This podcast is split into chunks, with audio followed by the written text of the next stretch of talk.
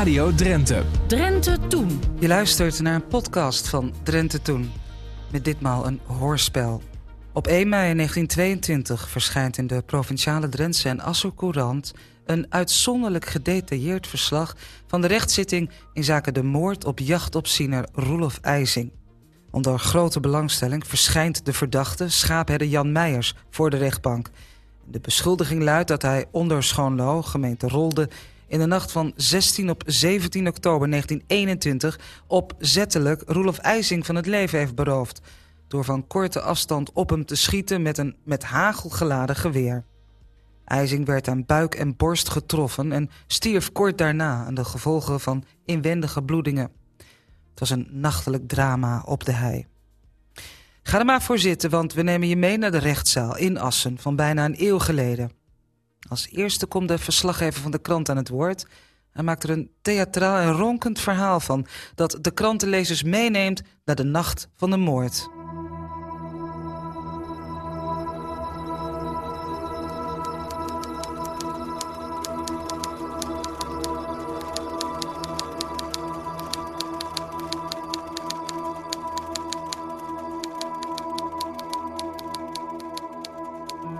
Onheilspellend hangt er soms een dreigende atmosfeer over de Drentse landen.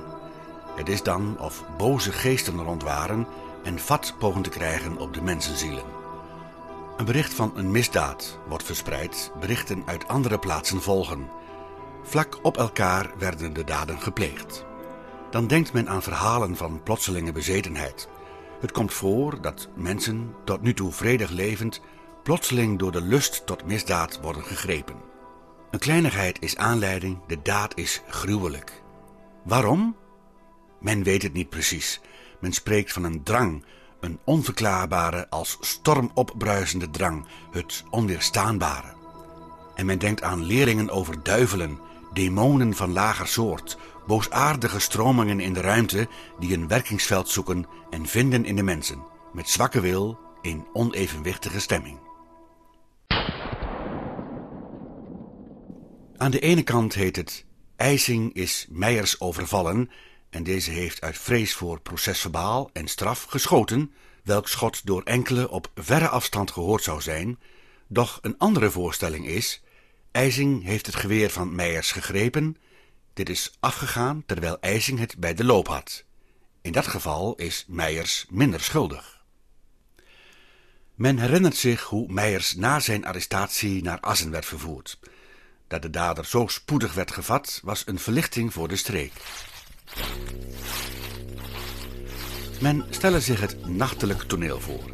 De jachtopziener in de heidewoestheid, de overval, een woordenwisseling, de knal, de vlucht van Meijers, die in zijn angst gevaarlijke aanwijzingen achterliet, de vrees voor ontdekking, het succes van de politiehond, Opnieuw een geknakt leven. Opnieuw een onherstelbare daad in een ondeelbaar ogenblik. Opnieuw een triomf der duivelse machten.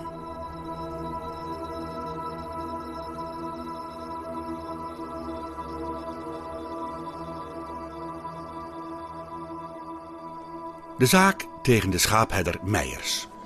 Grote belangstelling natuurlijk weer. Veel beweging door het gerechtsgebouw en een volle tribune. De sensatie is de behoefte destijds. De rechtszaal is voor velen een schouwtoneel. Jan Meijers, klinkt het van de deurwaarder. Meijers is geboren te Bijlen 26 juni 1891. De beschuldiging luidt in de dagvaarding dat hij onder Schoonlo, gemeente Rolde, in de nacht van 16 op 17 oktober 1921 opzettelijk de jachtopziener Rolof IJzing van het leven heeft beroofd door op korte afstand opgenoemde IJzing uit een geladen geweer een scherp schot hagel te lossen, door welk schot hagel deze in buik en borst werd getroffen en zijnde deze aan de daardoor veroorzaakte inwendige verbloeding na korte tijd overleden.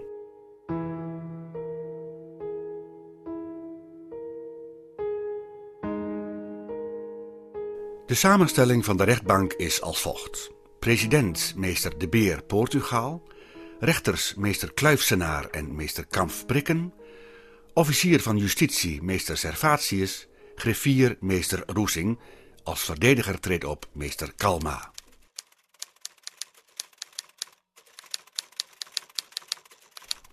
Het verhoor van Meijers. Jan Meijers, de schaapherder. Een nog jonge man, snor, net geschoren, haar net gekamd. De armen gekruist over het gevangenispak hoort hij de voorlezing van de dagvaarding aan. Dan ondervraagt hem de president. Hij vertelt. In gezelschap van zekere G. Takens ging hij in de bewuste nacht uit om te stropen. Geweer en patronen gingen mee. Het geweer werd geladen en Meijers knielde op een geschikte plaats neer in jagende houding in de hei. Hij hield de trekker in de hand, linkerarm leunde hij op de linkerknie. De beklaagde geeft met een geweer aan in welke houding hij zat. De kolf stond op de grond, de loop was naar boven gericht. Dus was je niet onmiddellijk gereed tot schieten? Nee, ik zat bij een roggeveld in Hol van Plaggen. Taken zat aan de andere kant en ik wachtte. Ik keek op mijn horloge. Het was toen negen uur. En daarna moet ik in slaap zijn gevallen. Ik voelde daarna iets over mijn hoofd strijken. Ik zag een hand die een geweer greep. Wat dacht je toen? Dat ik overvallen werd. Doch precies weet ik het niet meer. Ik viel achterover. En hoe ging dat? De man die mij overviel, die trok aan mijn geweer en ik viel. De beklaagde doet dit voor, zo natuurlijk dat de beklaagdenbank omsmakt. Even sensatie.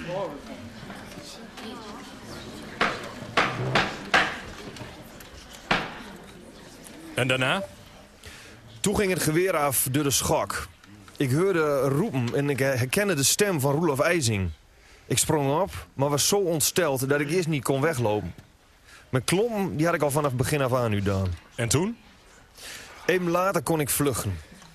Eerst scheen ik aan de grond vastgenageld te weten. Daarna liep ik door een sloot, maar ik kwam weer terug. Ik vroeg of IJzing gewond was en hij antwoordde niet.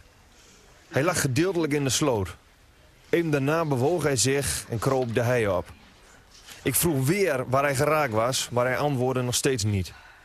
En toen ben ik heen gegaan. Ik begreep er niets van en wist niet dat hij geraakt was. Maar je begreep toch wel dat het niet in orde was? Ja, meneer. Je hebt hem laten liggen. Je hebt niemand gewaarschuwd. Waarom niet? Ja, ik dacht niet dat het zo erg was. Maar dat had je toch kunnen onderzoeken en begrijpen? Denk je dan dat hij voor zijn plezier daar lag en niet zei? Ja, ik dacht dat hij wel weer zou opkomen en, en naar Borgen toe zou gaan. Meijers, je kunt ook te veel ontkennen. Heb je niet gezegd dat het goed was nog eens te gaan kijken? Of dat het beter was dat IJsing maar dood was? Ja, de volgende morgen zei ik zoiets van... ik wou maar niet dat hij dood was. Maar wees maar niet benauwd, het was maar een ongeluk. Maar Takens en zijn vrouw zeggen iets anders. Dat is niet waar. Alleen wat jij zegt is dus waar? Ja, meneer, als IJzing nog leefde, dan had hij dit bevestigd dat het een ongeluk was. Waarom heb je eerst ontkend? Ja, ik dacht dat het het beste was. Nu IJzing dood was, zag ik de afgrond voor mij. Maar later, toen de politiehond je aanwees, je moest wel? Ja, meneer. Eerder heb je gezegd dat je voor het schot IJzing zag. Ja, dat weet ik niet precies meer. Ik, ik voelde een hand en ik viel en dat, dat schot ging af. De beklaagde herkent het geweer en enige patronen die gevonden werden. De president wijst op de tegenspraken in de verklaringen van Meijers tijdens het onderzoek. Waarom heb je zo lang verzwegen dat Takens bij je was? Welke waarde heeft je verklaring? Het schijnt je alles gelijk te zijn. Ik heb zo mijn redenen om zo lang over Takens te zwijgen. Was het helder en stil die nacht? Ja, het was een lichte maan en of het woei, dat weet ik niet meer. Ik lag in de loerhut. De geweermaker A.J. Eibaard van Assen wordt daarna als deskundige ondervraagd. Hij heeft het geweer van Meijers, een lege huls en de gevonden hagelkorrels onderzocht en met een patroon van gelijk merk daarna proeven genomen. Hij heeft op een pop in militaire jas geschoten en is de verspreiding van het schot nagegaan. Hij is nagegaan wat het resultaat was van een schot vlakbij of op een 8 meter afstand en een 5 meter afstand. De resultaten werden vergeleken met de verwondingen van IJzing. De proeven zijn genomen buiten met windstilte. De patroon had een sterke lading. In verband met vragen van de verdediger worden de mogelijkheden van verspreiding der hagelkorrels nog nader nagegaan in verband met verschillende mogelijke houdingen van geweer en getroffene. Is het schot van vlakbij gelost, dan is de verspreiding minder groot. Bij IJsing was de verspreiding groot. De Rijksveldwachter B.L. Knol van Borger, daarna voorkomende, is bij het in beslag nemen van het lijk van IJsing geweest. waar nagehoord wordt de Rijksveldwachter J. Spa van Assen, die mede het eerste onderzoek heeft meegemaakt. Op de plaats van het onheil werden een tweeloops jachtgeweer gevonden, het geweer van Meijers, benevens twee klompen. De brigadier titulair Rijksveldwacht H. Overbeek van Rolde verklaart daarop dat ook hij bij het eerste onderzoek was. Men vond het lijk acht pas van de loerhut, in de loerhut een revolver en een notitieboekje. Bij het betrokken Roggeveld waren twee loerhutten op een afstand van 58 pas. De gevonden klompen lagen op een afstand van elkaar. Ook werden twee knopen gevonden die van de jas van IJzing waren geschoten. Eindelijk vond men een schakeltje van een horlogeketting. Overbeek heeft de plek terstond goed geïsoleerd. De plek was daardoor geschikt voor het onderzoek, zodat spoedig tot de aanhouding van Meijers volgde. De president brengt Overbeek hulde voor zijn flink optreden dat het onderzoek vergemakkelijkte. De gevonden revolver stond op veilig. Overbeek vertelt nog hoe hij en zijn broer op de plaats proeven namen om het gebeurde na te bootsen. Hun conclusie was dat de lezing van beklaagde niet juist kan zijn. Had beklaagde slapende het geweer naar boven, dan had IJsing niet zo getroffen kunnen zijn. Is het schot afgegaan terwijl Meijers achterover viel, dan was het in de heide gekomen zonder IJsing te raken. Overbeek houdt het voor onmogelijk dat IJsing zich zo over de loop kon buigen dat hij het schot in de buik of borst kreeg. De toestand van de loerhut en de houding waarin Meijers zat maken dat zeer onmogelijk. Had IJsing zich over Meijers gebogen, dan moest hij zich steunen en dan was de loerhut ingestort. De conclusie van Overbeek is dus: IJsing is door Meijers gezien en op een afstand heeft de laatste geschoten. Overbeek beschrijft ook de wijze waarop IJsing spioneerde en overviel, sluipend naderen en dan in een loerplaats springen. Meijers wordt nogmaals gehoord. Hij houdt zijn verklaring vol. Op het ogenblik van de overval was de loerhut zo dat IJsing de loop van het geweer wel kon grijpen. Vervolgens wordt G. Takens binnengeroepen, een belangrijke getuige. Hij is landbouwer te Schoonlo en Takens vertelt het volgende. Meijers kwam nogal eens bij ons. Hij stroopte, had zijn geweer bij ons en ook patronen. We spraken wel eens over een overval. Wat dan te doen? Ik zei aan de halte zullen gaan, doch Meijers zei... ik schiet ze liever dood. Ik houd ze den loop van het geweer voor. Die zondagavond gingen wij stropen. El ging in een loerhut aan weerszijden van het Roggeveld. Wij wachten. Zag je niemand komen? Nee, ik hoorde eerst gekleppen van een riem en geweer. Toen ging een schot af bij de andere loerhut. En daarna? Toen hoorde ik IJsing roepen. Oh, Jan Meijers, Jan Meijers. En toen? Toen zag ik Meijers weglopen, richting Schoonhoord, langs mij heen. Zei hij niets? Nee, ik kwam toen uit mijn loerhut en begreep dat er wat gebeurd was... en durfde niets te zeggen. Ik hoorde kermen. Waarom ging je er niet heen? Ik was te veel van streek.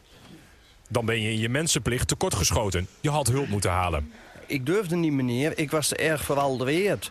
Ik ging naar bed en vertelde het later aan mijn vrouw. Later kwam Meijers en haalde patronen uit het kabinet. De volgende morgen kwam Meijers weer. We spraken over IJsing en Meijers zei... Ik wou maar dat hij dood was. Dat was beter voor hem. We wisten toen nog niet dat hij al dood was. En toen Meijers in het kabinet zocht, zei hij toen iets? Ja, hij zei, ik weet niet hoe ik dat gehad heb. Maar waarom heb je de politie niet gewaarschuwd? Ik durfde niet, ik was bang voor Meijers. Maar spreek je nu wel de waarheid? De zuivere waarheid. Het is een steen van mijn hart. Hou je niets achter? Ik weet niets meer. Wat zeg je hierop, Meijers? Is het niet eerlijk op te biechten? IJzing is niet over je heen gevallen. Heb je geschoten over een afstand? Nee, meneer, hij greep mijn geweer. Het schot ging af in de richting van het bos, zoals ook Tagens zei. Ja, en de uitwerking van het schot, dat ken ik dus niet. Maar je hebt gezegd, was hij maar dood. Nee, meneer, ik heb gezegd, was hij maar niet dood.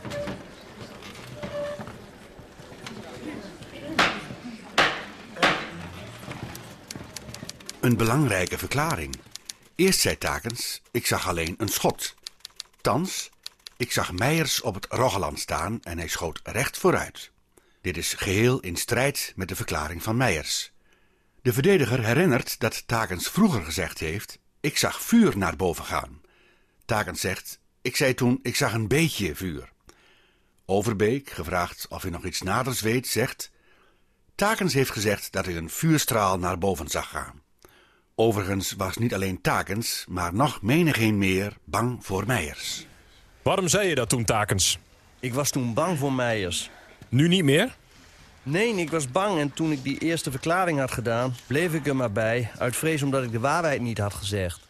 Ja, een bange getuige met een niet zo heel erg stabiel verhaal. Hoe het gaat aflopen hoor je in deel 2 van de moord op de jachtopziener. We gaan terug naar de rechtszitting in 1922. Naar schaapherder Meijers die zegt dat zijn geweer per ongeluk afging. En naar getuige Takens die steeds iets meer prijs geeft over wat er die nacht nu werkelijk gebeurde. Een scherpere ondervraging van Takens volgt. En het blijkt eindelijk dat overlegd was voor het geval dat IJzing doodbleek. Takens zou zeggen dat hij niets van het geval wist. Daarom was Takens later bang om te spreken. De vrouw van Takens wordt vervolgens ondervraagd door de president van de rechtbank. Weet je ook wat de afspraak was voor het geval van een overval? Mijn man zei te zullen weglopen. Toch Meijers zei, ik, ik schiet ze dood. Mijn man kwam helemaal ondaan naar huis. Ik vroeg hem, wat is er? Hij zei, ik geloof dat Jan Meijers den opzichter IJzing heeft doodgeschoten. Vroeg je niet meer? Ja, maar hij wist er niet veel meer van. Toen we op bed lagen, kwam Meijers in huis. Hij zei, is Geert in huis? Ik zei, allang. Hij zei toen, ik kom patronen halen. En je man, die zei niets? Ik kan me daar niets van herinneren. Vroeg hij niet naar IJzing? Nee, den volgende morgen kwam Meijers er weer. Was IJzing maar dood, zei hij. Dat was beter voor mij.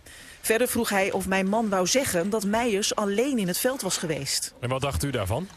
Ik weet dat niet precies. Praten jullie daar niet over? Nee, Zijn jullie zo weinig spraakzaam dan? we hebben er niet veel over gepraat. En vanmorgen dan? Ja, toen heeft mijn man gezegd dat hij toch nu maar alles zeggen zou.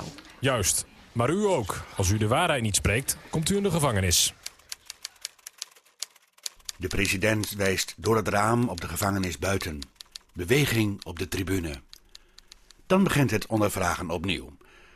Vrouw Takens bekent nu dat haar man gezien heeft dat Meijers zijn geweer in schietende houding hield. Hij heeft het haar verteld toen zij reeds hier in het gebouw waren. Dat was voor het eerst dat vrouw Takens het hoorde. Haar man was bang voor Meijers, daarom zweeg hij zo lang. De zitting wordt daarop geschorst tot kwart voor twee. Weer is er gezegd dat Meijers een gevreesd persoon was. Angst voor wraak heeft Takens. Er is enige spanning gekomen. Belangstelling is er weer genoeg. De bezwarende verklaringen van Takens hebben een onverwachte wending gegeven. Steeds maandenlang doen zwijgen. Doch nu heeft hij gesproken. Hij, de enige getuige die iets kon weten van wie voor Meijers lot zoveel afhing. De aandacht is zeer gespannen als de president de zitting heropent. Er is tijd geweest om de beide lezingen te vergelijken. Die van Meijers, dat het een ongeluk was, buiten zijn schuld. Die van Takens, dat Meijers staande het schot op IJzing gelost heeft en dat het dus met moedwil was. De beklaagde is nog steeds even kalm. Tijdens de verhoren van Takens en zijn vrouw moest hij vanmorgen af en toe lachen, alsof hij te kennen wilde geven: ze zeggen maar wat. Het OM komt nog niet terstond aan het woord. De brigadier-majoor van de Rijksveldwacht, van der Werf, van Assen, wordt nog gehoord. Hij heeft van een Rijksveldwachter gehoord dat Takens gezegd heeft in het gebouw dat hij heden zijn geweten geheel wilde ontlasten.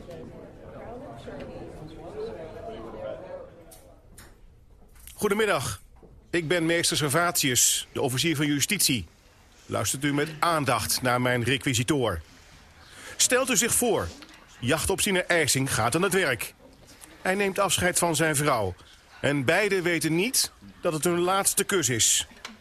De arme vrouw, die in stijgende onrust door de keuken ijsbeert... steeds banger naarmate het langer duurt.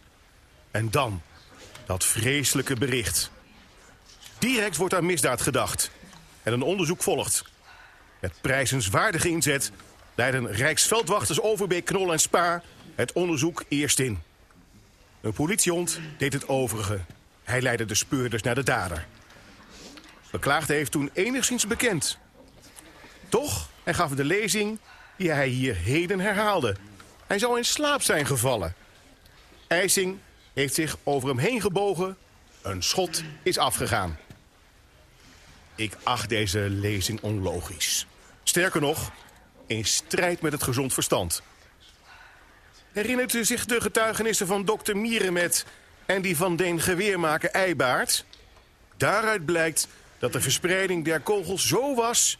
dat het schot op een afstand van ongeveer 8 meter moet zijn gelost. Dat klopt niet met de voorstelling van Meijers. Deze spreekt dus blijkbaar niet de waarheid.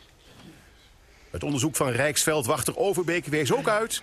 dat Meijers verklaring zeer onwaarschijnlijk moet heten.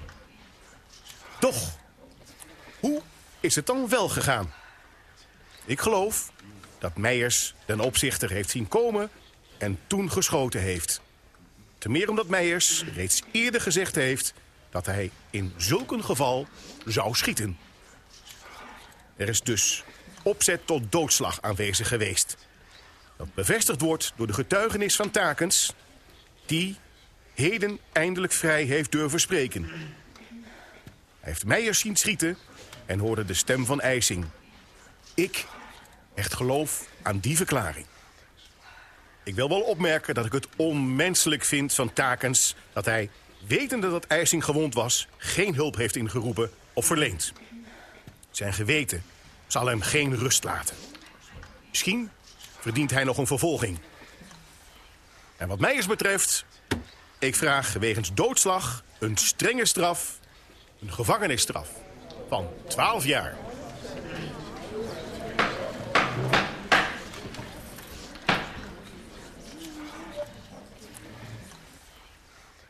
Ik ben meester Kalma en luistert u aandachtig naar mijn pleidooi... want ik meen dat tegen het requisitoire nog wel iets in het midden is te brengen.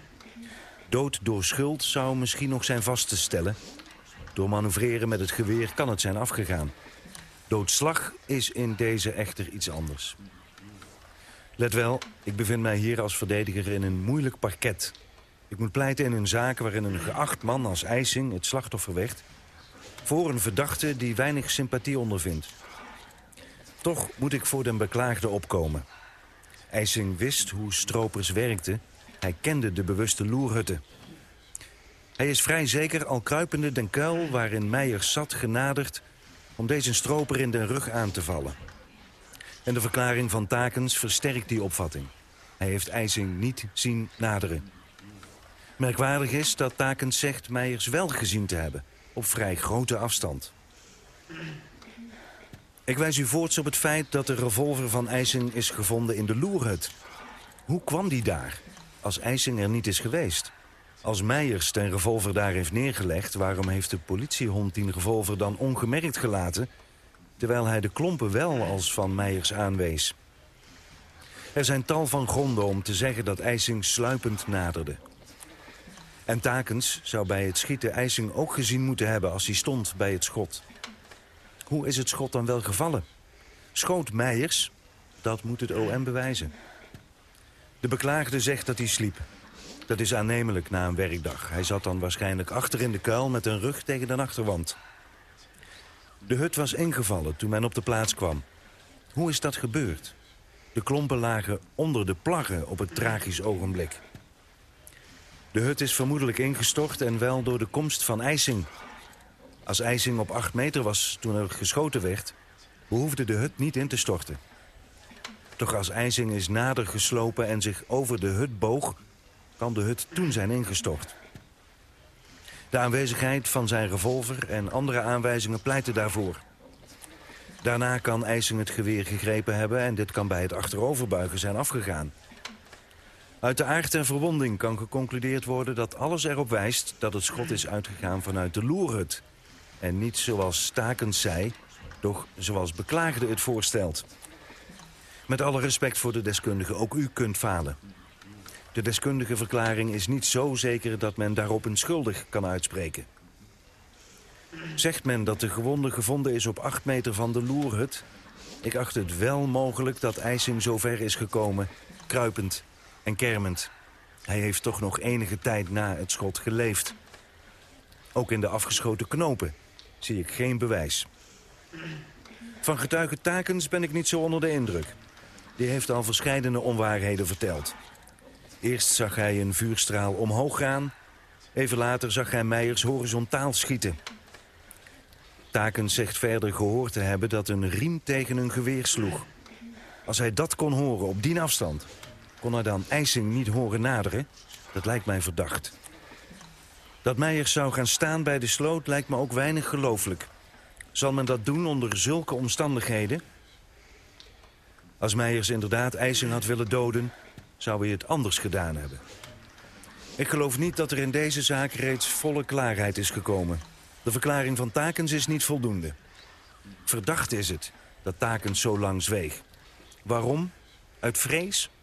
Meijers was reeds gearresteerd. De officier van justitie heeft zojuist de handeling van Takens tegenover IJsing onmenselijk genoemd. Is Takens dan wel geloofwaardig als getuige? Men kan alleen vasthouden aan de deskundigen, maar hun verklaringen acht ik onvoldoende. Dat beklaagde gezegd heeft, ik zal bij een overval schieten en later, ik wou maar dat hij dood was, is geen bewijs.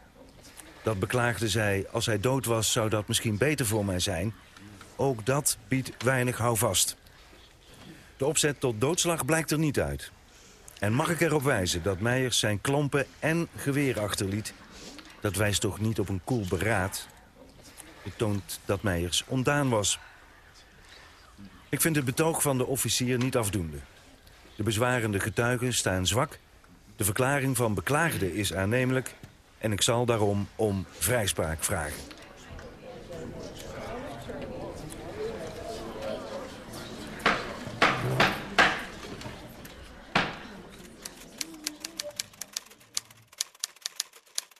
De officier blijft bij zijn eerste betoog. Hij handhaaft de eis, overtuigd dat Meijers schuldig is, zoals ook uit de getuigenis van Takens bleek.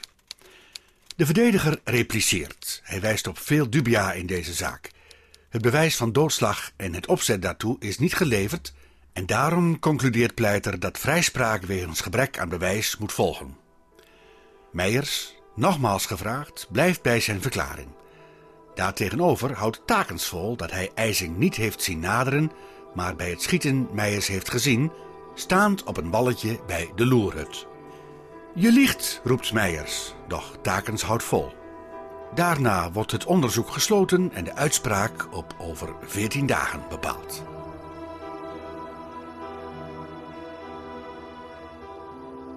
Dit gedramatiseerde rechtbankverslag uit 1922 zal de gemoederen wel een tijdje hebben beziggehouden.